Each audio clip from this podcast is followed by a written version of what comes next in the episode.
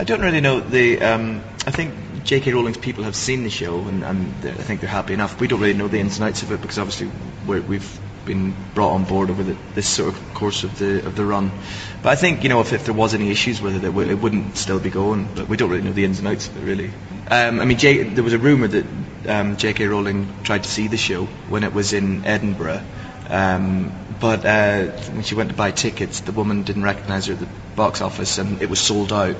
So she was like, "I'm sorry, it's sold out." And the manager said, "You know, do you know who that was?" And so there was a rumor that she had come to try and see it, but it was sold out. She was turned away. So there's always a, a seat left open for her if she ever wants to come see it.